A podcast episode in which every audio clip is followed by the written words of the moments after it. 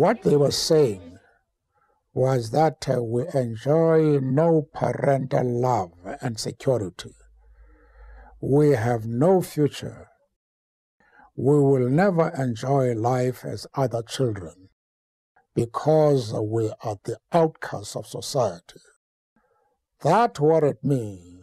That night I couldn't sleep. I kept on rolling over and over again because I could see the anxious faces of these children. Die beste manier om iemand se lewe te vier is om hulle nalatenskap te laat voortleef in toekomstige geslagte. Oud-president Nelson Mandela het 'n groot liefde vir kinders gehad. Hy het liefde en ondersteuning aan kinders reg oor die wêreld gegee en dit is goed gedokumenteer. Vandag gesels ek met Dr Nelly Balfour, die eerste en jongste pediater by die Nelson Mandela Kinderhospitaal in Parktown, Johannesburg. Dr Balfour het daardie vaandel met albei hande gegryp en maak 'n groot verskil by die hospitaal. Goeiemiddag Dr Nelly Balfour.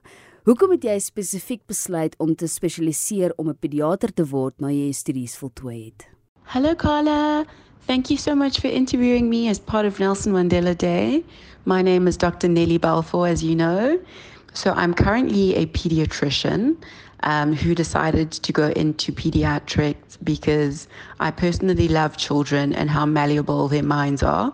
I also really love their innocence and how they're all born with love in their heart and how one can just change the trajectory of their lives by being present.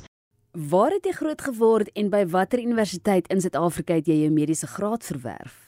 I grew up mainly in South Africa, but spent five to six years of my life in Australia in exile because my parents were fleeing South Africa due to apartheid. After which, I went to primary school and high school in Cape Town and then went to UCT to study medicine. I graduated with my medical and surgical degree in 2011, after which, I did internship, community service, and then decided to specialize in pediatrics. I really, really do love children. I also feel that besides the fact that they're quite innocent and they're born with love in their heart, they're just very accepting. And if a child is given the space to grow up in a nurturing and safe society, they generally grow up to be a well rounded adult who contributes well to the society that they live in. I am the first private pediatrician and the youngest pediatrician at Nelson Mandela Children's Hospital. I was given the opportunity to open up my own private practice this year after I was approached by the hospital. And it's a very, a very exciting endeavor. I do believe that all children, whether they have medical aid or not, deserve to receive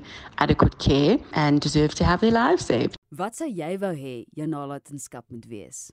The legacy I would love to leave behind is one of compassion, one of love. I want people to know that, oh, Dr. Nellie loved all children and contributed positively to their lives. I think that something that's very rewarding in my field is when parents and patients alike come back to me after months, years, and basically just say, you know, you gave us a chance and look where we are now in life. And just seeing how this child has grown up and is now healthy and, you know, is thriving and is able to prosper. Indien iemand jou wil kontak by die Nelson Mandela Kinderhospitaal, wat is jou kontakbesonderhede?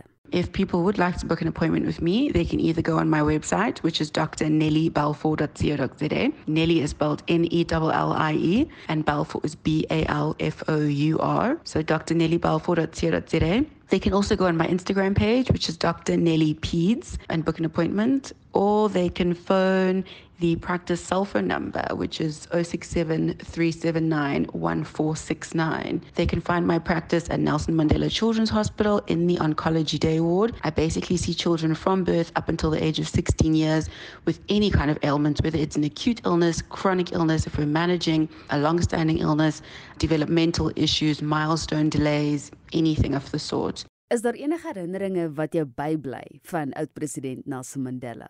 My earliest and fondest memory of Nelson Mandela was obviously I was raised in exile and I was very aware of what was happening in our country as a result of apartheid. So my parents obviously had pictures of him all over the house. My dad knew him personally and spent quite a bit of time with him. And I just remember how much of a, a loving and caring man he was. And I think that anyone who can move on from those injustices, having been in prison for 27 years and being treated the way he was treated for all of that time, and him having moved on forgiven people and wanting better for everyone, I mean, I think that's phenomenal.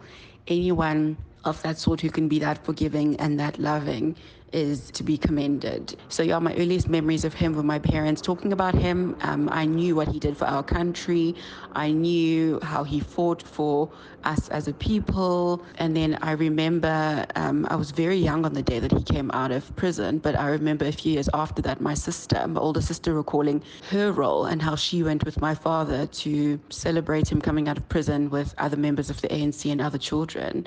I just think he's a very loving man, and I love his passion that he has for children personally. And everyone knows the legacy that he's left for kids. I just feel very honored to be continuing with that legacy and having the position and the role that I have working in the Nelson Mandela Children's Hospital. So happy Madiba Day, and thank you so much. Baie dankie Dr Nellie Balfour, die eerste en jongste pediater by die Nelson Mandela Kinderhospitaal in Parktown, Johannesburg.